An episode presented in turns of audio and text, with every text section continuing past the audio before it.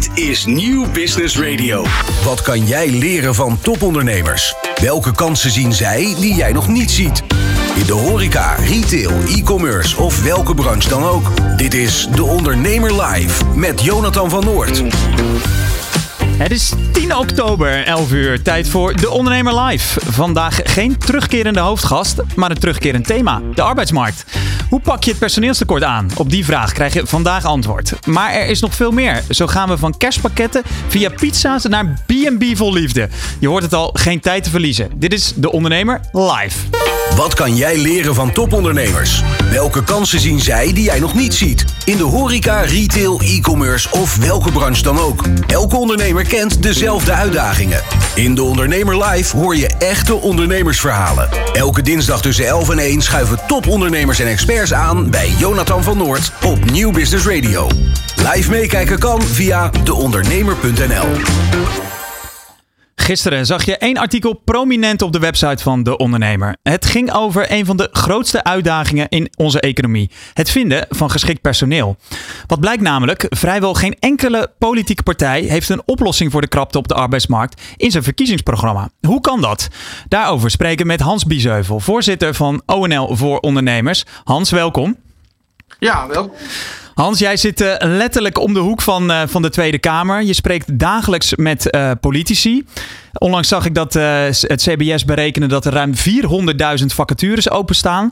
Hoe kan het dat Den Haag daar dan geen weet van heeft?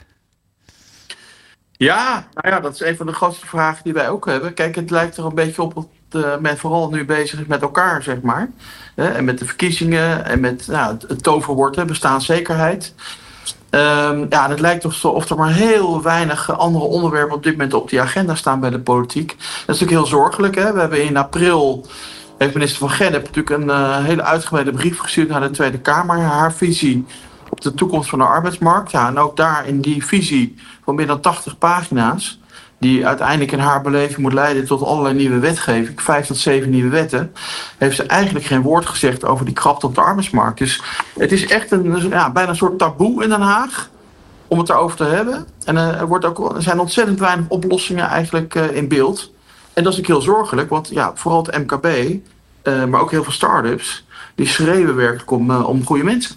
Nee, zeker. En uh, Ruben Houweling, dat uh, is een van de uh, mensen die in dat artikel naar voren komt. Dat is een hoogleraar arbeidsrecht. En die zegt: Het is een moeilijk verkoopbaar verhaal voor de politiek.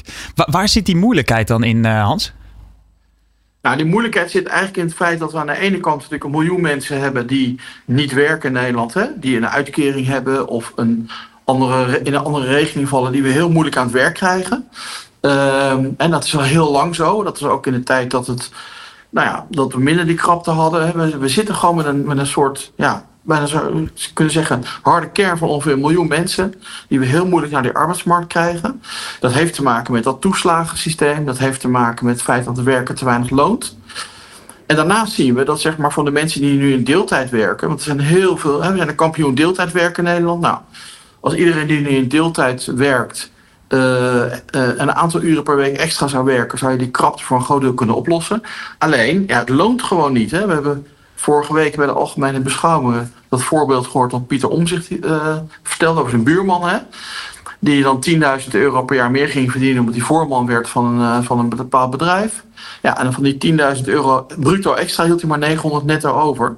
Dus hè, dan ga je van 36.000 euro naar 46.000 euro bruto. Nou, geen wereldsalaris, maar je houdt er maar 900 euro netto aan over. En dat is een beetje het probleem van Nederland. Uh, dat vraagt om hard ingrijpen in dat hele toeslagensysteem. Ja, en daar praat de politiek al jaren over, maar ze durven het gewoon niet aan. Want de, dus die, ja, dat ombouwen van, uh, van dat belastingssysteem, dat is dus ook niet iets wat we teruglezen in de partijprogramma's, Hans. Nee. En sterker nog, bij de laatste algemene beschouwingen heeft de Tweede Kamer, het kabinet, maar ook de Tweede Kamer weer gedraaid aan de, aan de knoppen van het toeslagenstelsel. Hè. Dus er is, zijn we, is er met miljarden geschoven. Dus aan de ene kant zeggen partijen willen van het toeslagenstelsel af. Althans in theorie. In de praktijk gebruiken ze het continu om uh, de plaatjes dicht te rekenen.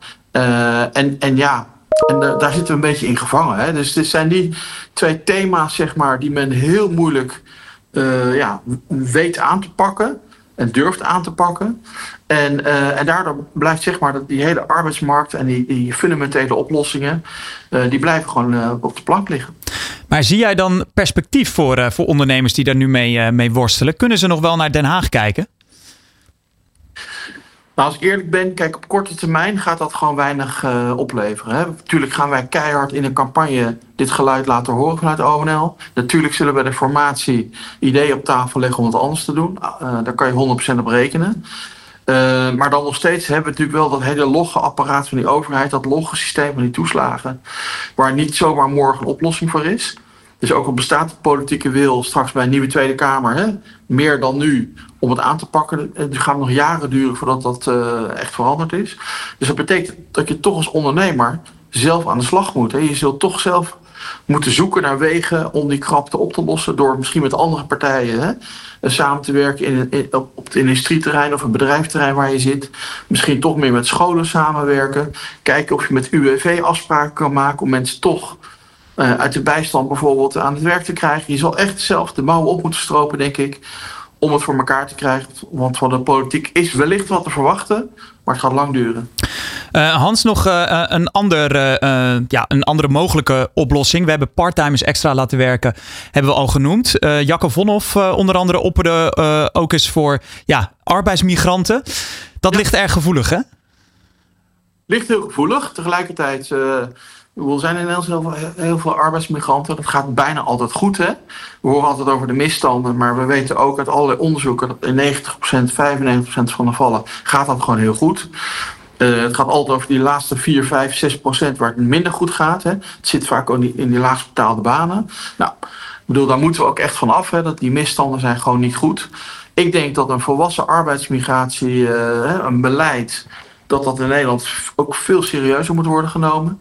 Uh, wij, nou, wij pleiten in ons verkiezingsmanifest richting de verkiezingen voor zeg maar, uh, een circulaire uh, model. Hè, dat je zegt, nou mensen die blijven hier in principe vijf, maximaal vijf tot zeven jaar. In die vijf tot zeven jaar moet je gewoon een goede onboardingprogramma. Dus dat je ze goed huisvest. Dat je ze ook zorgt dat ze zich kunnen ontwikkelen. En dat ze dan ook weer toegevoegde waarde hebben als ze teruggaan naar het land van herkomst. En daar kun je ook met die landen goede afspraken over maken. Nou, Canada is een land die dat gewoon op die manier doet. Uh, dat gaat er hartstikke goed. Hè. Er zijn heel weinig misstanden. Ik zou zeggen, laten we dat in Nederland nou ook eens een keer volwassen gaan aanpakken. Uh, en, dat, en het serieus, uh, ja, serieus beleid van maken. Want we hebben die arbeidsmigranten ook in de toekomst, als we de economie weerbaar willen houden, heel hard nodig. En is dan zo'n systeem van een aanwezigheid van tussen de vijf en zeven jaar, is dat dan een lange termijn oplossing? Nou ja, kijk, dan, dan, dan, dan, kijk, in Canada hebben ze een heel simpel systeem van ja, die, die kijken of vragen stuurt. Hè. Dus die zeggen, nou, in welke sectoren hebben we tekorten? Die sectoren gaan voor. Hè, als het gaat om het afgeven van vergunningen. Dat betekent dat je hè, de, de slechte spelers al een beetje uit kan uh, laten faseren, zeg maar. Om zo eens uit te drukken. En die zeggen ook van ja, als je hier komt werken, heel graag. En dan is het vijf of zeven jaar. En dan gaan we je ook echt nou, de juiste uh, begeleiding geven, goede huisvesting voor je zorgen. Maar ook afspraken maken over dat je op een gegeven moment weer terug naar je land gaat van herkomst. Um, en dat systeem werkte eigenlijk supergoed. En ik zie niet in waarom we dat in Nederland niet zouden uh, kunnen invoeren. Canada is een heel net uh, democratisch land, economisch sterk land. en ik denk dat dat ook in de Nederlandse systematiek goed zou passen. En Hans, jij zit, uh, zoals ik in het intro al zei, dicht bij het vuur uh, in Den Haag. Ja. hou je bij bepaalde politici of bij bepaalde partijen, zie je daar toch wel lichtpuntjes wat betreft het oplossen van deze problemen? Nou, in woorden wel. Hè? Dus in woorden zie je lichtpuntjes. Maar goed, er moet ook in de praktijk uh, naar gehandeld gaan worden. We hebben natuurlijk te maken met ingewikkelde coalities de afgelopen jaren.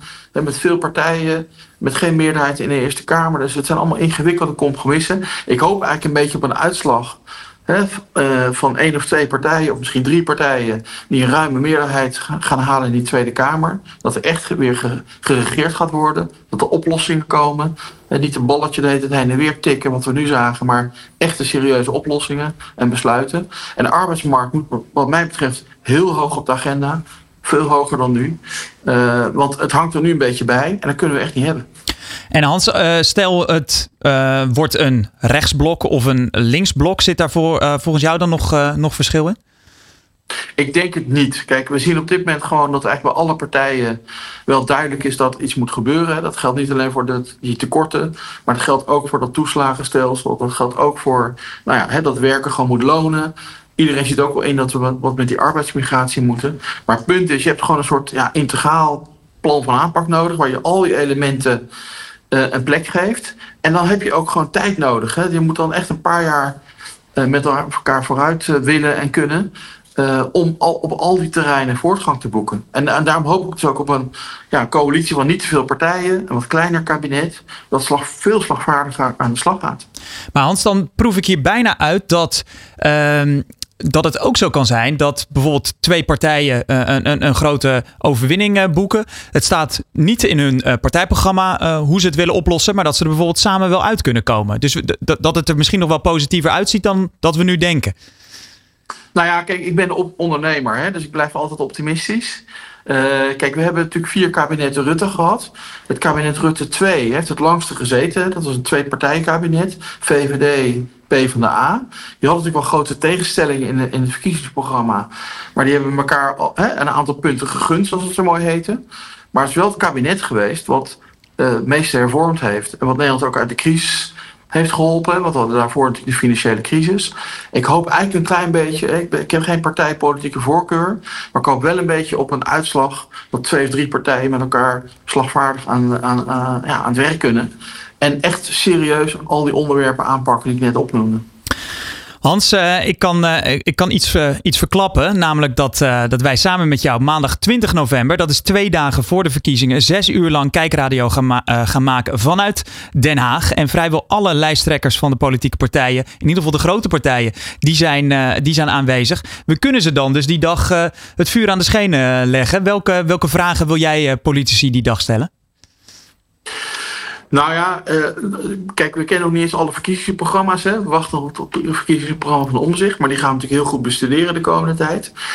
Kijk, mijn belangrijkste vraag is: durven jullie nou echt een keer te gaan regeren? Hè? We hebben in 2021 hebben we natuurlijk een, een jaar lang een demissionair kabinet gehad. Nou, uh, januari 22 trad Rutte 4 aan. Was een soort moedje. Niemand had er echt zin in. Er is ook heel erg weinig gebeurd. Nou, duurt misschien wel weer tot voorjaar van volgend jaar voordat we een nieuw kabinet hebben. En mijn grote vraag is van, ja, welke politieke partij ook straks in de coalitie komt, ben je bereid knopen door te hakken en eindelijk weer uh, te gaan regeren? Want dat heeft echt ontbroken de afgelopen jaren. Nederland wil oplossingen. Nederland wil perspectief. We willen weten waar gaan we naartoe de komende jaren op een aantal, aantal terreinen. Er zijn veel te weinig antwoorden op gekomen. En we hebben behoefte aan duidelijkheid. En, dat, die vraag zal ik echt uh, centraal stellen op, uh, op 20 november. Een mooi, uh, mooi betoog van Hans Biesheuvel, voorzitter van ONL. Dankjewel. Je luistert naar De Ondernemer Live. Elke dinsdag live van 11 tot 1 met Jonathan van Noord op Nieuw Business Radio. Oké, okay, oké. Okay. Het is pas oktober, maar we moeten het even hebben over kerstpakketten. Wist je bijvoorbeeld dat er jaarlijks meer dan 7 miljoen worden verkocht? Steeds meer bedrijven vragen echter om een unieke inhoud en om duurzame cadeaus. Marika van Zandvoort zag zodoende een gat in de markt. En na het succes van vorig jaar is haar The Good Box dit jaar nog beter gevuld. Welkom uh, Marika. Dankjewel, leuk om er te zijn. Ja, vertel eens even, The Good Box, wat is dat? De Goodbox is een uh, kerstpakket, een relatiegeschenkenpakket voor bedrijven die bezig zijn met duurzaamheid, die bezig zijn met innovatie, die iets anders willen dan eigenlijk de afgelopen jaren van kerstpakketten, waarbij ja, de helft van zo'n kerstpakket vaak in de kast belandt en, uh, en niet meer uh, naar voren komt. En hoe ben je er opgekomen om, om zo'n, ja, ik noem het maar even, een groen, groen kerstpakket te maken? Nou, ik heb zelf een start-up, Patja de Cacao. En ik merkte dat het voor een kleine onderneming, zoals dat van mij, is het best lastig om in die grote kerstpakketten te kunnen komen. En dat ja. wil je natuurlijk wel. Want jouw product is? Is een drankje. We maken een drankje ja. van het sap van de cacaovrucht. Ja. En ja, dus wat je merkt is dat je dan eigenlijk daar niet echt tussen komt bij de grote bedrijven. Omdat zij standaard producten willen. Een wijn, een chocolade, een, een nootje. En ik dacht, ja, dat moet toch echt anders kunnen. En toen ben ik vorig jaar samen met een groep andere ondernemers zijn we begonnen om zo'n kerstpakket samen te stellen. En dat was een heel groot succes eigenlijk. En ik dacht, dat gaan we nog een keer doen, maar dan beter, groter. En dan heb je dus eigenlijk een kerstpakket wat samengesteld is uit allemaal uh, duurzame start-ups, scale-ups. Zie ik het zo goed? Ja, klopt. Dus echt de, het speerpunt van de Good Box is, uh, zijn start-ups en scale-ups die iets nieuws doen, iets beters doen voor de wereld. Dus die ofwel een circulair product maken of een product op een hele duurzame manier in elkaar zetten, die iets beters doen voor de wereld. Dat is eigenlijk het allerbelangrijkste.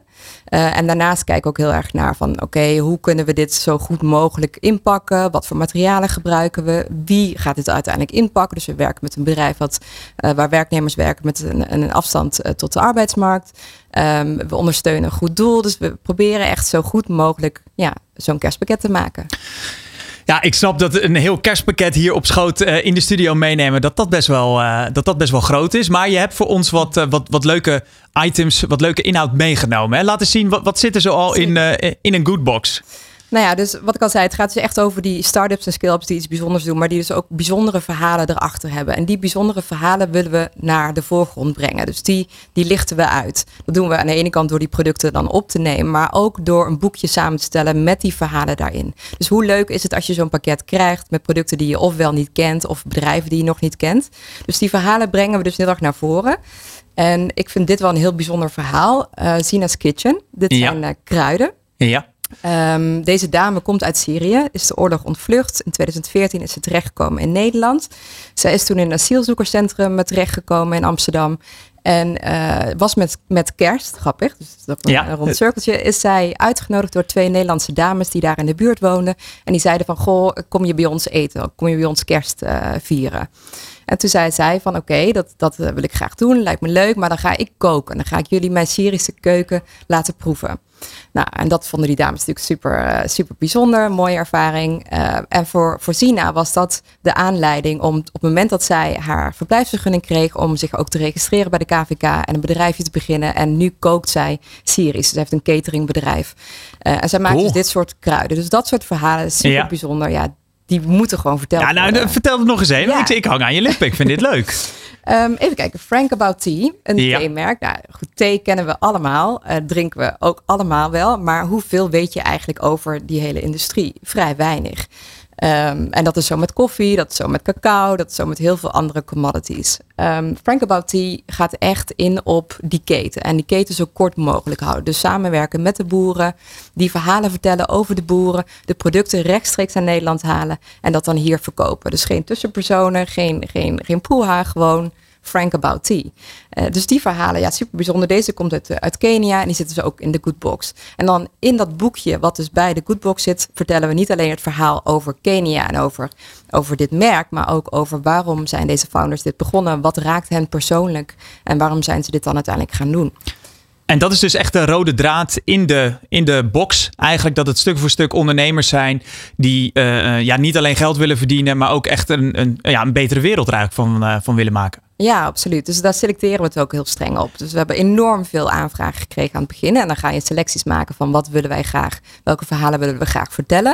En aan de ene kant zijn het dan nieuwe innovatieve producten. Aan de andere kant zijn het producten die je al wel kent, maar dan op een betere manier geproduceerd. En met hoeveel partners werk je nu samen? 43. 43? Ja. Hallootjes. Er zitten er ook 43 uh, uh, items in een box? Het ligt eraan wat voor type box je bestelt. We werken met, uh, met vijf thema's, of eigenlijk vier thema's. En één is bijvoorbeeld een thema waarbij alleen uh, ondernemers, vrouwelijke ondernemers, uh, ja, worden, worden uitgelicht uh, en hun producten. Um, en een ander thema gaat heel erg over good food. Een andere box gaat heel erg over gewoon jezelf, weet je, een cadeautje geven en verwennen en lekker in bad gaan. Dus niet alleen maar food and drinks, maar ook ander soort producten. En het vijfde thema is zelf in te vullen door bedrijf. Dus we kunnen op maat kunnen we gaan kijken van wat kunnen wij doen, wat aansluit bij jouw thema op dit moment van je, van je onderneming. En daar maken we dan een mooie box uh, voor samen. Dus heel erg ja, op maat. Nu is mij wel eens verteld dat bedrijven eigenlijk al zo in de zomer bezig zijn met hun kerstpakketten. Ook om al die producten, die moeten natuurlijk voorradig zijn en die, en die box moet, moet goed gevuld zijn. Uh, geldt dat voor, uh, voor jullie ook? Ja, ik, ik, denk dat we een beetje onderschat hadden hoe ongelooflijk veel werk er zit in zo'n voorbereiding van zo'n uh, van zo'n kerstbox. Um, dus ja, je begint idealiter eigenlijk al op het moment dat kerst is afgelopen met de organisatie van het volgend ja. jaar. De hele grote bedrijven en de, en de overheidsinstellingen, ja, die gaan in, in februari al zoeken naar iets, iets, iets voor hun personeel. Ehm, en toch merken we ook nu wel dat heel veel bedrijven eigenlijk heel laat zijn. En vooral de MKB en de start-ups, die moeten er daar nog allemaal over nadenken. Dus daarom komt deze uitzending perfect. Dus ik hoop dat heel veel eh, bedrijven luisteren en denken, ja, dit wil ik dus. Ja, en uh, um, kan je nu al zeggen van je, uh, je vertelt dat er vijf soorten boxen zijn. Zijn er al hardlopers te bespeuren? Kan je trends misschien wel zien? Ja, al onze producten zijn super trendy en, en innovatief. Dus ik denk dat ik kan nog niet echt zeggen dat een van de boxen heel veel verder vooruit loopt dan andere. Natuurlijk heeft het ook heel erg te maken met budgetten. Uh, veel grotere bedrijven hebben lagere budgetten voor, uh, voor personeel. Dat is dat zo? Nu ook uh, vooral in de economische, ja, toch wel, wel moeilijke periode waar we in zitten. Ja, ja zijn, zijn echte MKB'ers, zijn die veel, ja, ik noem het gewoon bijna aardiger voor hun personeel dan, als je een beetje een mooie box krijgt, toch? Ja, nou, het is een enorm voorrecht eigenlijk om iets leuks te mogen doen voor je personeel. En om ze te vertellen van hè, hoe, hoe goed ze, ja, hoe, hoe belangrijk ze voor je zijn. Niet alleen personeel, maar ook relatie rondom het bedrijf. Um, ja, gemiddelde budget is toch wel zo rond de 50 euro eh, per persoon, per werknemer dus. En onze boxen variëren van prijs tussen 50 euro en 100 euro. En we kunnen dan dus ook een box op maat maken afhankelijk van het budget van het bedrijf. Dus het hoeft niet per se heel erg duur te zijn, maar je wil gewoon wel iets leuks doen voor dat geld en zorgen dat het geld ook goed besteed wordt, wat je dan spendeert. Maar uh, uh, Marika, een kerstpakket, hoe erg is dat nog echt van, van deze tijd? Ja, goeie. Ik denk dat uh, zeker in deze tijd zijn bedrijven ook wel uh, bezig van hè, hoe kunnen we dat op een andere manier besteden? Misschien een leuke bon. Cadeaubon, inderdaad. Cadeaubon, maar er is toch wel iets heel bijzonders als je zo'n pakket krijgt en als je het openmaakt. En, en er komen allerlei producten uit die je nog niet kent en waar je dus helemaal van geïnspireerd raakt. Dat is eigenlijk een hele mooie kans om je te verbinden met je werknemers of met, je, met, met zakelijke relaties. Maar ik heb in, uh, in, het, uh, in het verleden best wel eens een, een kerstpakket gehad, met wisselende inhoud overigens. het gebeurde mij ook wel vaak dat er een pak crackers echt twee jaar later nog ergens achter in een kast vandaan komt. Dat ik dacht, oh ja, god, dit komt uit een, uit een kerstpakket. Hoe zorg je ervoor dat producten van jou nou niet, ja, dat ze er leuk uitzien, maar dat ze ook echt daadwerkelijk gebruikt worden? Ja, we, we, selecteren het heel, heel goed uh, aan de voorzijde. Dus we kijken natuurlijk naar, naar het verhaal en naar de ondernemer. En wat is dit voor product? En kennen we dit al? Is dit een, echt een betere versie? Maar we kijken ook naar smaak. Dus we maken het open, we proeven het. Van is dit wel of niet lekker? Het wordt echt getest. Ja, we testen het echt zeker. En, en, en kiezen ook een aantal producten bewust niet. Omdat het dan gewoon niet goed genoeg is. Ik heb wel gezien dat uh, de, de kerstpakkettenbranche, om het, uh, om het zo te zeggen, daar zitten best wel een paar grote spelers uh, bij. Hè? Hoe, hoe con concurreren jullie daarmee toch wel als ja, start-up? Want dit is het tweede jaar dat jullie, eh, dat jullie bezig zijn. Ja. ja, we kunnen niet helemaal daarmee concurreren met de macro bijvoorbeeld, die echt duizenden kerstpakketten verkoopt. Wat, wat is jullie doel namelijk? Nou, we willen minimaal 4000 kerstpakketten verkopen, verkopen dit jaar. En dat moet ook gewoon uh, te doen zijn. Mm -hmm. uh, ik denk dat we concurreren op basis van de inhoud en van de verhalen, de mooie producten, de manier waarop we het inpakken, die hele unboxing experience. Het is echt iets anders. Het is echt niet iets wat andere grote bedrijven aanbieden. Juist omdat wij heel dicht, ik zelf als ondernemer, ook heel dicht bij die andere ondernemingen sta. En omdat we zo selectief kijken naar wat gaat er nou in zo'n box en past dat bij de thema's die op dit moment belangrijk zijn. Ja, nu uh, kan ik me voorstellen dat er ondernemers aan het luisteren zijn en denken, ja, ik wil toch ook wel uh, in die box komen. Welke eisen hebben jullie? Um, nou, het bedrijf moet minimaal twee boxen afnemen. Dus dat is eigenlijk een hele lage minimum uh, afname. Nee, ik bedoel uh, um, ondernemers die in de box terecht willen komen. Ah, oké, okay, op die manier. Um, nou goed, het moet dus uh, innovatief zijn. Het moet duurzaam zijn. En dat kan op allerlei manieren. Het kan circulair zijn, het kan biologisch zijn. Het kan, het is, maar dat is een heel belangrijk onderdeel. Uh, het, moet, het moet iets anders zijn dan wat in de supermarkten al ligt of bij de groothandels te verkrijgen is. Want we willen dus echt die innovativiteit stimuleren. Mm -hmm. um, ja, start-up skill-ups. Dus geen hele grote bedrijven, die komen er niet tussen. Nee, nou, maar we mogen het wel afnemen bij ons. Ja, precies. Want dan komen we toch bij de, bij de volgende uh, vraag aan. Dus vanaf twee boxen kan je eigenlijk al uh, jezelf uh, of je, je bedrijf aanmelden. Ja, zeker. We zijn super flexibel daarin. En we kunnen dus ook kijken naar budgetten. En nogmaals, eh, ook als er een lager budget is per werknemer, dan kunnen we nog steeds iets heel moois samenstellen. En kom op, die 4000 boxen moet zeker lukken. Je zei het er net uh, in de intro al, uh, al eventjes, hè, dat je gewoon nog een, uh, een eigen bedrijf ernaast runt. Hoe heette het ook alweer? Patja de Cacao. Patja de Cacao. um, is het niet moeilijk om, om die twee bedrijven naast elkaar te runnen? Moet je keuzes maken bijvoorbeeld? Zeker. ondernemen is keuzes maken en is zeker niet de makkelijkste weg. dat sowieso. Dus dat, dat ben ik wel gewend. Het is wel heel erg leuk, omdat je Ja, omdat ik ook echt de kans krijg om andere ondernemers op het podium te zetten. En om die verhalen te vertellen. En ik, eh, het, is heel, eh, het is heel fijn om in zo'n foodnetwerk te zitten bijvoorbeeld. Uh, en al die verhalen ook, ook van dichtbij te zien en te horen. Um, maar ook om die andere ondernemers te helpen om te kunnen groeien. Uh, dus om van start-up naar een skill-up te kunnen groeien. En uiteindelijk naar een groter bedrijf te kunnen groeien. En de Goodbox kan daar ook bij helpen. Dus ja. het is een heel mooi, mooi springplan. En merk je nou, of uh, bijvoorbeeld bij je, bij je eigen bedrijf, maar ook bij uh, partners die dus in de, in de box liggen, dat ze ook daadwerkelijk daarna meer verkocht uh, worden? Want dat is denk ik natuurlijk wel waar ze het om doen. Leuk dat je met kerst ja. gegeten en gedronken wordt, maar wordt er daarna ook gekocht? K kan je dat al zien? Um, kunnen we nog niet zien. Het is pas het tweede jaar. Maar wat je wel hoort is dat, dat we feedback hebben gekregen afgelopen kerst van, van werknemers die dan ons een persoonlijk berichtje hebben gestuurd om ons te bedanken over hoe leuk ze het vonden dat ze een nieuw product hadden gevonden bijvoorbeeld. En dat ze die bedrijven zijn gaan volgen en daar meer van zijn gaan kopen. En ja, dus dat heeft echt een, uh, ja, een, effect. En uh, ja, dat, dat is super belonend om, om dat soort verhalen te horen. Ik zei het er net al, meer dan 7 miljoen kerstpakketten worden verkocht. Volgens mij zijn het er zelfs 7,4 uh, miljoen. Jij gaat voor de, voor de 4000. Er is nog een wereld te verzetten. Hoe kijk je naar de toekomst? Nou, ik denk dat we ook steeds meer toegaan naar, naar ervaringen. Hè. Dus mensen willen graag ervaringen. En wij bieden een hele unieke ervaring met zo'n box. Maar volgend jaar gaan we kijken naar hoe kunnen we nog meer die ervaring daarin brengen. Waar moet, je, waar moet ik dan aan denken? Nou, bijvoorbeeld aan een echte interactie tussen de, de, de werknemer en de ondernemer. En dat je, dat je die meer met elkaar in contact gaat brengen, bijvoorbeeld. En, en lezingen. En, en, en hè, ik heb ook een stichting voor Patja de Cacao. Dat, dat daar dan meer mogelijkheden zijn voor mensen om in te stappen en in te springen. Dus ja, daar gaan we naar kijken volgend jaar. Maar dit jaar uh, nog even knallen. Mooie ambitie. Als uh, uh, bedrijven nu aan het luisteren zijn en die denken: ik wil zo'n zo'n Goodbox wel voor mijn kerst. Ik heb nog niet in de zomer een kerstpakket aangeschaft. Hoe kunnen ze zich melden? via de website um, thegoodbox.store of via e-mail. Dat is sales at thegoodbox.store. Nou, een heel duidelijk verhaal. Dankjewel. Marika van Zandvoort van The Good Box. Dank je. De pitch. Ben jij degene met een briljant idee en ben je op zoek naar funding of een investeerder? Dit is De Ondernemer Pitch. Maak jouw plan wereldkundig binnen één minuut. Ja, daar is hij weer. De Pitch, de wekelijkse rubriek waarin ondernemers met een hemelbestormend idee hun bedrijf kunnen pitchen op zoek naar funding. En wie weet hengelt die ondernemer hier zijn financier wel binnen. Er is één regel, de pitch duurt één minuut. Bij ons is aangeschoven Ben van Duin en die heeft een bijzonder smaakvol plan. Ben, in één minuut, the floor is yours. De Pitch. Ben jij degene met een briljant idee en ben je op zoek naar funding of een investeerder?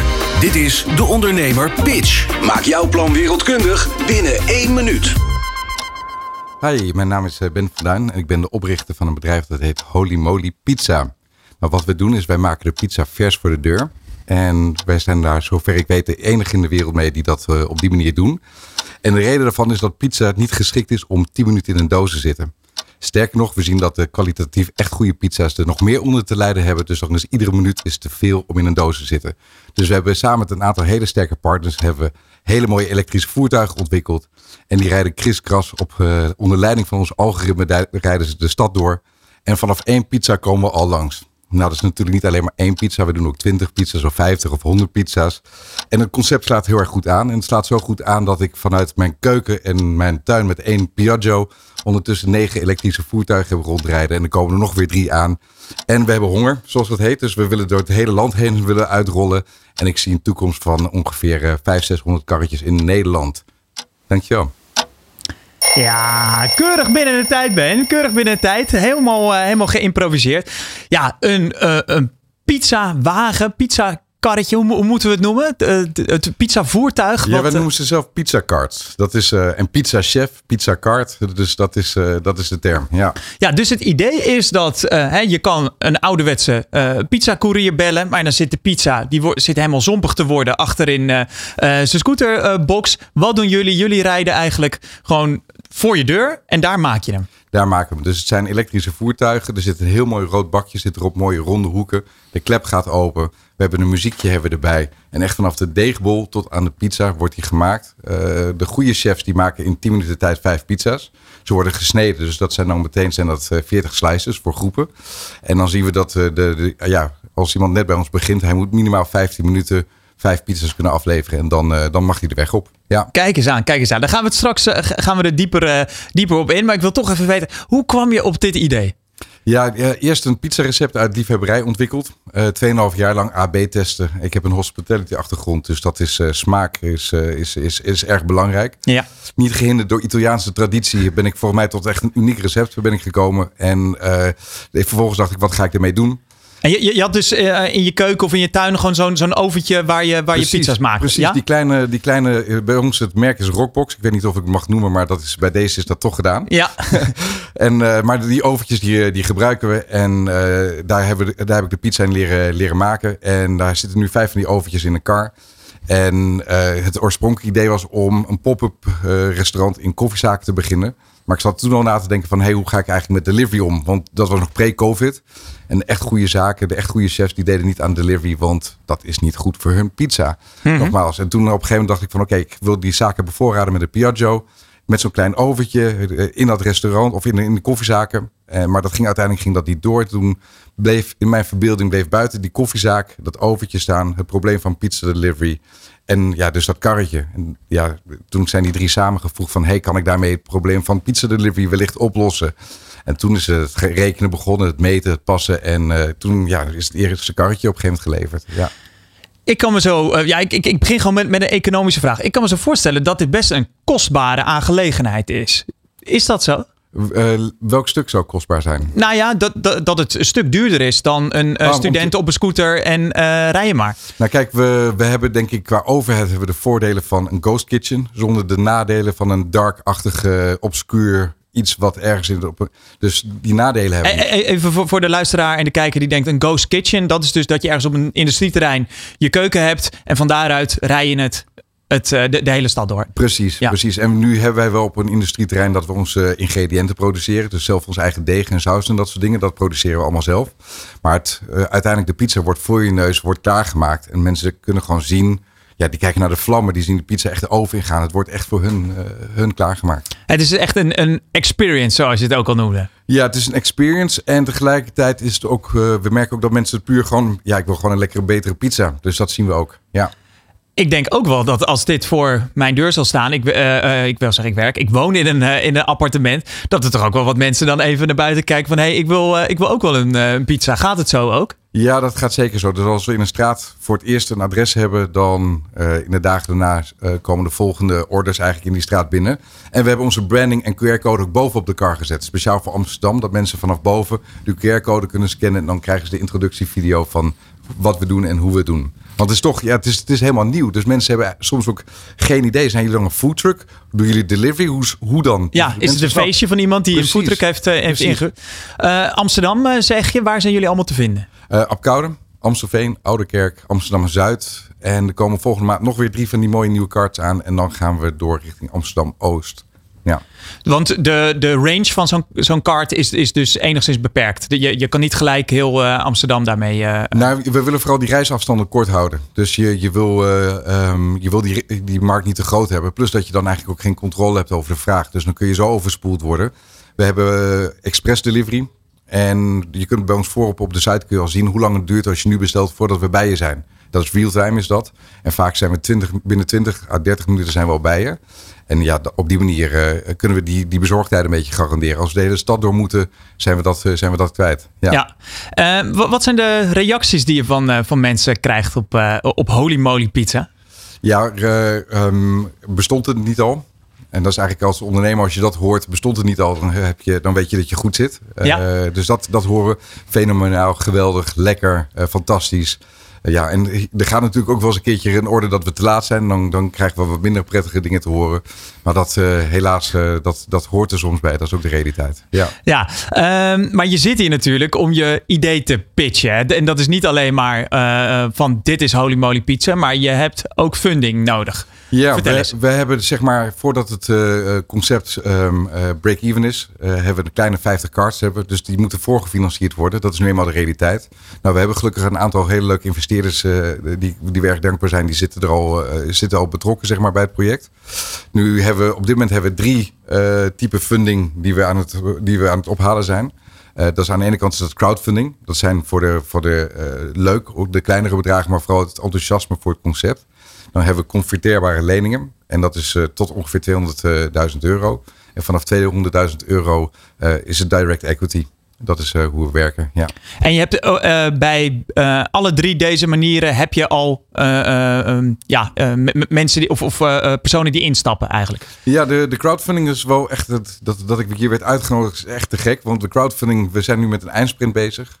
We waren aan het verhuizen, dus heel, eigenlijk te druk om echt op die crowdfunding te, te focussen. En we hebben nog best wel een slag te gaan. Dus dit, gisteren kwam er opeens van alle kanten kwamen er, uh, ja, uh, kwam, kwamen de toezeggingen binnen. Maar ook, ik werd vorige week opeens hier uitgenodigd. Dus het is opeens yes, yes, yes, we gaan het toch halen. Terwijl uh, dat was een paar dagen geleden, zat ik nog echt met een knoop in mijn buik van dit, dit wordt hem niet. Maar nu, ja, het, het stroomt, dus uh, dat is te gek. Ja, ja want uh, voor, voor de ondernemers die, die luisteren, de crowdfunding is nog vijf dagen open. Ehm, hoe, hoe groot schat je de kans in dat je het haalt? Want je hebt tussen de 100 à 200.000 euro nodig. ja, 100.000 is de, is de minimum, anders wordt het allemaal teruggestort. Dus dat is bij Crowdabout Now is dat vrij, vrij, vrij hard, vrij scherp is dat. En daar hebben we nu, we zitten nu, ik keek net nog even, 67.000 zitten we nu op. Dus we hebben nog 33 eh, procent te gaan, of 33.000 euro. En dat is, dat, is, uh, dat is een hoop, maar uh, tegelijkertijd niet onmogelijk. Ja. Nee, ik heb wel eens gehoord dat vooral bij, bij crowdfunding, dat het echt de laatste dagen, dan gaat hij opeens vallen. Ik, ik, ik, uh, Klinkt wel als muziek in de oren. Ja, toch? Echt, echt, dit, dit heb ik nodig, dit soort uh, informatie. Ja. Precies, nee, ja, we, we, supporten, uh, we supporten ondernemers. Maar, maar nog even om, om het te specificeren. Er, er is dus best nog wel wat, wat geld op te halen. Hè? Ook dat je het hebt over, over losse investeerders. waar wil je vooral dat het geld gebruikt voor gaat worden? Ja, we hebben dus uh, we hebben het heel erg goed voor elkaar in die zin dat de karretjes die zitten in een lease. En dat is een full operational lease, dus daar hebben we geen uh, investering op vooraf.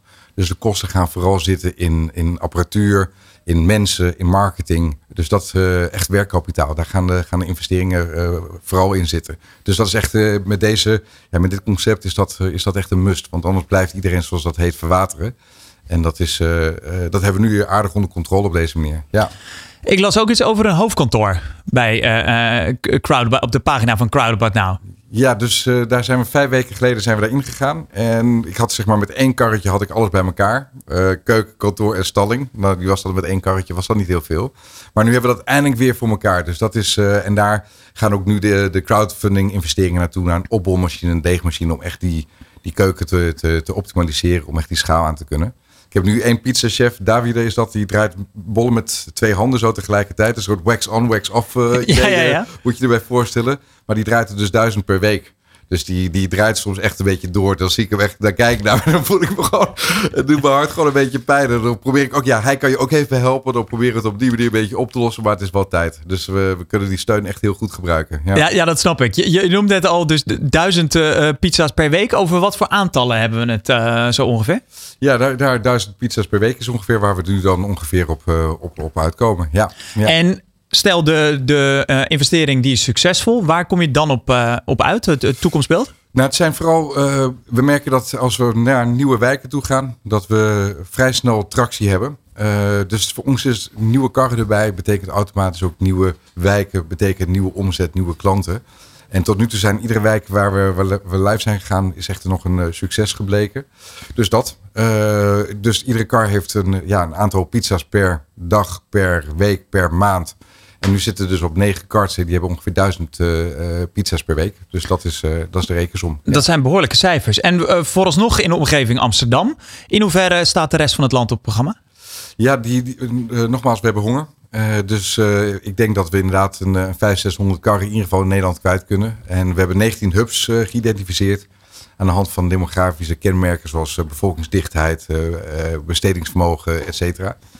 Uh, leeftijd. Uh, en ja, dan 19 hubs. En daar in die straal kunnen we dan minimaal 10 tot, tot 20 karts kunnen daar kwijt. Want even nog voor mijn beeld. Wat betaal je ongeveer voor, voor een holy moly pizza?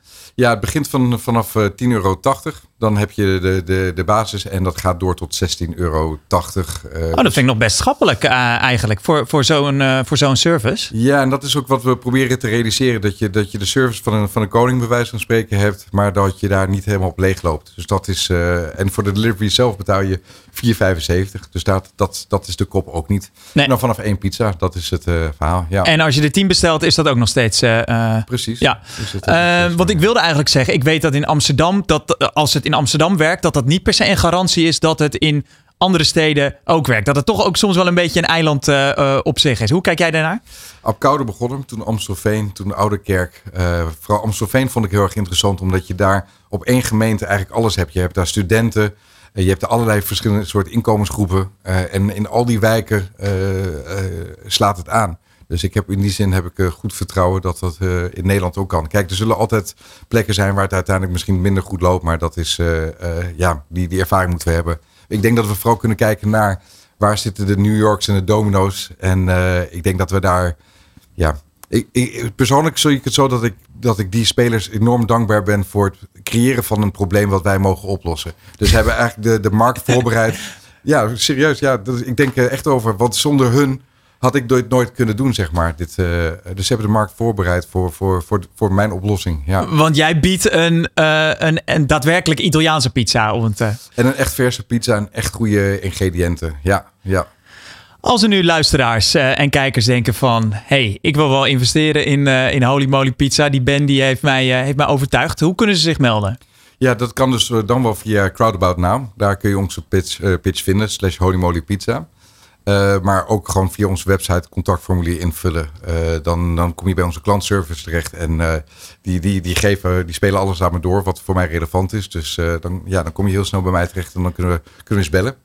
En als je dus uit de omgeving Amsterdam uh, komt, dan kan je hem zelfs uh, vandaag nog even testen, de pizza? Amsterdam-Zuid, uh, Amstelveen, Oude Kerk, Apkoude. ja, dan zijn we vanaf het moment dat je bestelt binnen een kwartier, 20 minuten bij je. Ja. Ik heb er trek van, van gekregen. Ben je nou enthousiast en wil je investeren in Holy Moly Pizza? Kijk dan dus op Crowdabout Now. Elke dinsdag een andere inspirerende ondernemer te gast tijdens De Ondernemer Live. Van 11 tot 1 live op Nieuw Business Radio. In het eerste item van vandaag had ik er al over met Hans Biesheuvel. De problemen op de arbeidsmarkt. Die zijn een van de grootste uitdagingen voor de politiek de komende jaren. Hoe ga je daar als ondernemer mee om? En welke uitdagingen kan je wel eenvoudig aanpakken? Daarover praat ik met Lars Bombeek, directeur bij Please HR Professionals. En Els Laurij. Uh, zij is een van die HR Professionals. Ja, uh, Lars Hans zei het al uh, uh, een beetje, of nou een beetje, hij zei het heel behoorlijk in, in stevige woorden. Het is echt wel een, een probleem, die, die arbeidsmarkt. Het wordt in, in Den Haag niet echt, nog niet echt opgepakt. Herken jij dit beeld? Ja, zeker. Er zijn natuurlijk uh, nou ja, ondernemers die uh, verschillende types bedrijven hebben. En die zijn echt bezig met het ondernemen en de focus daarop. Terwijl dat personeel ja, hartstikke belangrijk is. En natuurlijk echt uh, ja, de benzine is die de motor draaiende houdt. Maar om daar ja, altijd de juiste mensen voor te hebben en die tijdig binnen te kunnen halen, dat is gewoon enorm lastig. En daar spelen heel veel ondernemers mee, zo niet elke. Dus... Ehm, nou ja, daar moeten oplossingen voor komen. En Den Haag uh, heeft ze nog niet, uh, naar mijn mening. We gaan er straks uh, dieper op in wat, die oplossingen mogelijk zijn en hoe, hoe, jullie daarin kunnen helpen. Dan ga ik toch ehm, heel eventjes door naar, noor, door naar, naar Els toe. want jij bent dus een van de HR-professionals bij Please. jij zit in de uh, in de praktijk, om het zo te zeggen. Ja, wat, wat, wat kom jij tegen eigenlijk als je met, uh, met ondernemers praat? Waar lopen ze tegenaan? Nou ja, die arbeidskrapte natuurlijk, dat is, uh, dat is een van de grootste waar we tegenaan lopen. En alles wat daar verder mee te maken heeft. Hè? we hebben te maken met verschillende generaties tegenwoordig op de arbeidsmarkt. Hè, wat, de, de nieuwe generatie vraagt eigenlijk heel andere aanpak eh, dan de oudere generatie. Hoe ga je daarmee om? Dan hebben we het over de Gen Z, hè? Dat wordt bijna altijd een beetje vies gezegd. Ja. Want die willen uh, zoveel, die willen niet fulltime werken, uh, die willen heel veel vrije tijd. Merk je dat? Ja, dat merk ik zeker inderdaad. En um, um, ik denk dat dat aan de ene kant ook best wel een, een, een goede um, een beweging is. En aan de andere kant, ja, hoe ga je daar dan inderdaad mee om? Ik denk dat, met, dat uh, ondernemers steeds meer zich bewust moeten zijn van het feit dat je uh, individueel moet inspelen op, uh, op, op, de, op de wensen van de medewerkers. Dus ja, dat is wel echt iets wat, uh, wat heel belangrijk is. Wat ik ook wel uh, veel van, uh, van ondernemers hoor, is dat zij bijvoorbeeld lastig vinden. Hè, nou ja, Gen Z stelt eisen. Maar dat bijvoorbeeld sinds corona of, het personeel ook wel mondiger is geworden. Bijvoorbeeld over thuiswerken, hybride werken, zoals het zo mooi heet. Ja, Herken klopt. jij dat? Ja, dat herken ik zeker. Voor, uh, hè, voordat uh, we te maken kregen met corona, werkte er bijna niemand thuis. Dat gebeurde wel, maar niet zo heel veel. En tijdens corona moest je thuis werken. Nou, mensen zijn gewend geraakt aan, aan uh, wat, wat dat verder met zich meebrengt. Geeft ook een stukje rust. En dat is inderdaad wel wat steeds meer verwacht wordt van, van, van werkgevers. En wat, hoe stuur je dan je team aan? Dus da daar komt ook weer van alles bij. Kijk, hoe stuur je mensen aan die thuis zijn? Hoe stuur je een team aan wat maar half op kantoor aanwezig is en half thuis is? Um, hoe faciliteer je mensen die thuis werken? Uh, ja, dat. En uh, als jij bijvoorbeeld met, met, een, met een ondernemer spreekt, wat, wat, zijn dan bijvoorbeeld concrete dingen die, die zij dus lastig vinden? Bijvoorbeeld met Gen Z of met thuiswerken? Daar heb ik even heel snel geen antwoord nee, op. ik weet misschien wel. Dus ik denk dat ondernemers uh, nou, heel erg uh, gefocust zijn dus echt op die business. En daardoor niet altijd in de gaten hebben dat er misschien wel heel veel mogelijkheden liggen om wel te conformeren aan die wensen die die nieuwe generatie heeft. Dus dat jij automatisch als ondernemer denkt van mm, voor mijn bedrijf is dat misschien niet geschikt of gaat dat niet lukken. Terwijl dat als iemand anders daar met een andere bril naar zou kijken, misschien echt wel heel veel mogelijkheden ziet daarin. En uh, nou, dat kan heel breed zijn. Dat zijn denk ik legio voorbeelden van uh, hoe dat zou kunnen. Ik denk dat standaard een ondernemer denkt van nou, hybride werk of vanuit thuiswerken is lastig voor ons. Terwijl als je gedwongen wordt, wat dus eigenlijk in een coronaperiode gebeurt, ziet dat er heel veel oplossingen toch zijn en dat er toch wel een weg in te vinden is. En dan is dat maar een klein onderdeeltje van alle veranderingen die er zijn. Ja, ik vond het bijvoorbeeld grappig dat soms hele conservatieve uh, uh, werkgevers, ja, die moesten dan opeens thuiswerken en dan opeens was het, nou ja, oké, okay, doe maar een teamsvergadering. Ja. Uh, maar dat ze toch wel eerst dat vertrouwen moesten krijgen van het kan dus wel op die manier. Exact, ja. Um, aan de andere kant, uh, uh, Lars, jij bent uh, directeur bij Please HR Professionals. Ik neem aan dat jullie ook wel de ondernemer kunnen ontzorgen. Ja, zeker. Nou, dat is natuurlijk wat we doen sowieso met de Please groep uh, daarin. Uh, als werkgeverspartner voor uh, MKB-bedrijven. eigenlijk alles op het gebied van personeelszaken uit handen nemen voor die ondernemers. Zodat zij echt die focus kunnen houden op nou, de mooie business waar ze mee bezig zijn. De mooie horecazaak of het mooie industriële bedrijf. Kan heel divers zijn. En ehm, nou, ik zelf ben daarin verantwoordelijk wat je zelf al aangaf voor de Please HR Professionals tak. Waarin wij een community hebben met HR professionals, HR experts. Waaronder dus zelfs waaronder Els, um, die wij in kunnen zetten bij onze opdrachtgevers om echt mee te kunnen kijken in de keuken en echt daar nou ja, op het personeelsbeleid bepaalde adviezen te kunnen geven. En ik denk dat dat heel erg waardevol is voor een ondernemer, omdat je dan ook aan de hand van die HR-professional die kansen gaat herkennen en daar juist wel op in kunt gaan spelen. En ja, dan ook ziet dat er weer mogelijkheden ontstaan om verder te kunnen met je organisatie. Want merken jullie dan dat uh, een ondernemer, want ik weet, uh, ik, ik, presenteer het lang genoeg om te, om te merken dat ze best eigenwijs kunnen zijn. Nemen ze dan van, uh, van, van, Els, van jou, dan eerder wat aan dan dat als het personeel het zegt bijvoorbeeld? Nou, dat hoop ik wel. um, ja, dat denk ik wel, ja. ja. En uh, jij merkt het ook, uh, Lars? Ja, je ziet natuurlijk als op het moment dat er uh, iemand vanuit extern binnen een bedrijf komt, dan zijn dat andere ogen. En mensen merken, voelen dat ook. Dus die weten van oké, er is iets gaande. Nou hoeft dat natuurlijk niet altijd, want het is heel erg afhankelijk van het vraagstuk wat er ligt bij die ondernemer. Maar het kan wel zo zijn dat je uh, ja, een bepaalde, uh, bepaald draagvlak gaat creëren daarin van hey, we zijn ergens mee bezig. En als we dat op de juiste manier kunnen doen, want personeelszaken zijn natuurlijk ook vaak gevoelig. Hè? Ik bedoel, als je ergens binnenkomt, dan denkt een werknemer ook van oh, wat gaat er dan gebeuren? Dat is best wel spannend. Maar als je dat op de juiste manier kunt begeleiden met de juiste expertise, dan creëert dat gewoon heel veel meer waarde voor je personeel, waar je als ondernemer weer op door kunt bouwen. Dus ik denk dat daar wel um, ja, heel veel kansen liggen. Ik merk ook dat als ik binnenkom bij een bedrijf, dat ik best wel snel zie van, oh, hè, we kunnen aan deze knoppen gaan draaien om wat dingen te verbeteren.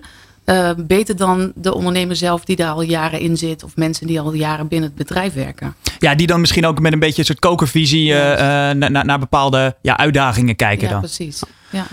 Um, wat ik ook nog wel een interessante vind, daar hebben we het uh, afgelopen weken ook uh, uh, over gehad. Dat is verzuim. Dat, dat is ook een, een item waar, waar steeds meer. Hè, denk alleen al aan de toenemende burn-outs ja. onder personeel.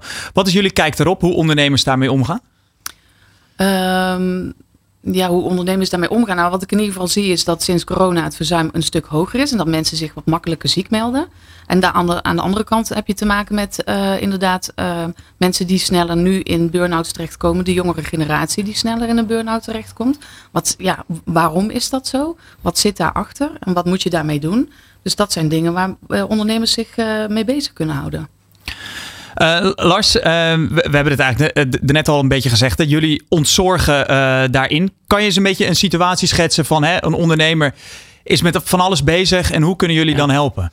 Nou ja, ik heb daar zeker wel een heel mooi praktijkvoorbeeld uh, van. We hebben recent een hele mooie opdracht uh, mogen vervullen bij een opdrachtgever die um, een bedrijf heeft met zeg even uh, 50, tussen de 50 en de 75 medewerkers. Eigenlijk nou ja, een beetje net te klein om een eigen HR-medewerker in dienst te hebben. Beetje tussen servet en tafellaken in. dat ja. idee. En nou, hij gaf ook aan van, goh, ik, ik ben daar wel mee bezig. Hij is zelf, nou zeg even algemeen directeur, financiële achtergrond houdt zich bezig met de groei van het bedrijf. En HR wordt er eigenlijk altijd een beetje bij gedaan. En uh, nou goed, HR is super belangrijk. Dat zien we in de ontwikkelingen die er gaande zijn in de markt. In het vinden van personeel, in het boeien, nou, verzuim. Er zijn heel veel facetten die daarin uh, onderdeel zijn. Um, en hij gaf ook aan van, ja, ik wil gewoon eens weten van, doe ik het eigenlijk wel goed? Welke mogelijkheden liggen er? Want ik doe het natuurlijk met mijn beste bedoelingen. Ik wil het beste voor mijn personeel. Maar ik wil ook weer niet te veel tijd van mezelf daaraan besteden om daarmee verder te kunnen. En dat is natuurlijk wel heel lastig om daar die balans in te vinden. En nou ja, door het inhuren van externe expertise kun je daar wel mee aan de slag gaan. Zonder dat je daar zelf te veel voor hoeft in te leveren. En de investeringen die je daarin doet, die gaan zich echt uitbetalen op de langere termijn. Dus daar hebben wij, ja, om het voorbeeld dan concreet te maken.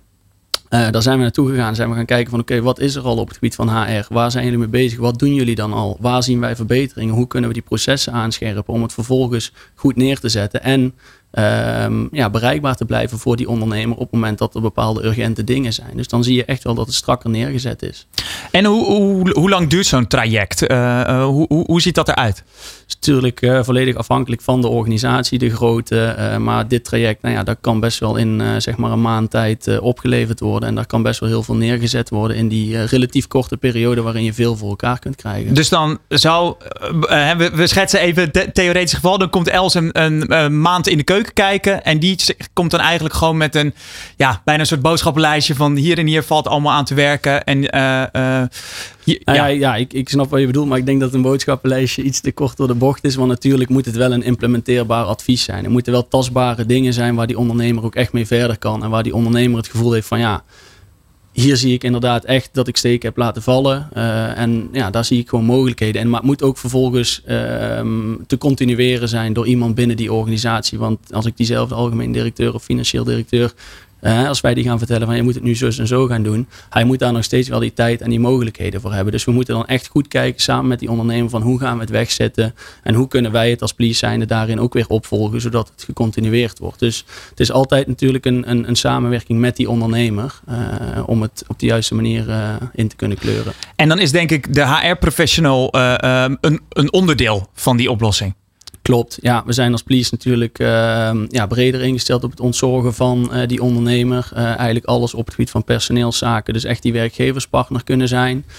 ik vergelijk het altijd mooi met een, een, een boekhouder of een, een, fiscalist die de ondernemer heeft. Dat is eigenlijk een vertrouwenspersoon. En als jij een ondernemer vraagt van, goh, hoe zit dit of dat binnen jullie organisatie? Nou, dan hoor je vaak oh, even mijn boekhouder bellen. Ehm, nou, die boekhouder willen wij eigenlijk zijn op het gebied van personeelszaken. Dus daar alles uit handen kunnen nemen met één vertrouwenspersoon die, of één vertrouwenspartij die het uh, op kan pakken. En uh, nou, ik denk dat dat een hele mooie ambitie is en dat we ook echt zien um, dat daar een behoefte ligt vanuit die ondernemer. Ja, en mo mooie vergelijking ook. De, de, want iedere ondernemer uh, zegt inderdaad even met, me, met, met mijn boekhouder overleggen. Ja. Maar HR vinden ze dan eigenlijk iets wat ze er wel, ja, dat lukt mij wel. Terwijl op een gegeven moment is je bedrijf ook te groot en dan ja. moet je een boekhouder aannemen. Dat gebeurt al heel snel dat het te groot is. Precies. en dat bij HR, dat, dat is toch een beetje het ondergeschoven kindje dan. Ja, terwijl dat ik wel van mening ben dat je er echt tijdig mee moet beginnen om bijvoorbeeld uh, ja, die arbeidskrapte ook uh, op te kunnen vangen. Want ja, als jij uh, gaat merken van oké, okay, kom mensen tekort, dan ben je eigenlijk al te laat. Terwijl dat als je het in een eerdere fase goed neerzet, dan kun je daar al veel stappen behalen door mensen ook te binden en daardoor te zorgen dat je minder snel mensen nodig hebt bijvoorbeeld.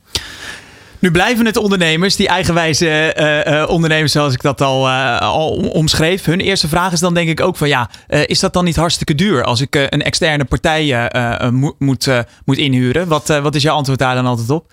dat ligt echt aan het traject, maar ik denk dat we vooral moeten kijken naar wat levert het uiteindelijk op voor de organisatie en wat zijn de doelen die een partij daarin heeft. En dan denk ik dat wij een hele flexibele en pasklare oplossing kunnen bieden die niet altijd duur hoeft te zijn in de zin van, nou ja, daar gaat een mega project zijn. Dus ik denk dat dat voor iedere ondernemer wel uh, bespreekbaar is in die zin. Ja, en ik denk ook dat het misschien nog duurder is als je er niks mee, uh, dat je er niks mee doet. Zonder meer. Want als je zonder mensen komt te zitten, dan ja, wordt het moeilijk. Je, tot slot, je zei het er net al, hè, van, ehm, je, je schoot een bedrijf te hulp met tussen de 50 en 75 werknemers. voor welke bedrijven zijn jullie een, een uitkomst? Nou, we hebben HR-professionals met verschillende achtergronden. Hè. Dus we hebben echt een community die we aan het bouwen zijn met HR-professionals, experts op verschillende niveaus. En die hebben allemaal een verschillende achtergrond qua branche, qua ja, niveau. Waarbij we dus ook echt voor nou ja, alle ondernemers in alle branches uh, onze uh, dingen kunnen doen. Um, dus in die zin um, ja, kan dat echt heel divers zijn van een, ja, een, een, kleine MKB-ondernemer tot aan. Tot aan uh, ja, echt de grotere organisaties die wij ook kunnen helpen met bijvoorbeeld de tijdelijke opvang van een zwangerschap. Of met een capaciteitsprobleem. Of met een heel specialistisch vraagstuk, zeg maar. Dat, dat is ook een mogelijkheid. Ja. Duidelijk verhaal. Dank voor jullie komst. Lars Bombeek en Els Laurij van Please. Yes, dankjewel. Dit is De Ondernemer Live op Nieuw Business Radio met Jonathan van Noord Het eerste uur van deze bomvolle De Ondernemer Live. Blijf, blijf vooral kijken en luisteren in ons tweede uur. We gaan namelijk dieper in op het maken van een toffe reclame. Max Ponze van Gig Hard Seltzer vertelt hoe hij een wel heel grote BN'er binnenhengelde met beperkt budget. Dat en veel meer in het tweede uur van De Ondernemer Live. Wat kan jij leren van topondernemers? Welke kansen zien zij die jij nog niet ziet? In de horeca, retail, e-commerce of welke branche dan ook. Elke ondernemer kent dezelfde uitdagingen. In De Ondernemer Live hoor je echte ondernemersverhalen. Elke dinsdag tussen 11 en 1 schuiven topondernemers en experts aan bij Jonathan van Noord op Nieuw Business Radio. Live meekijken kan via deondernemer.nl.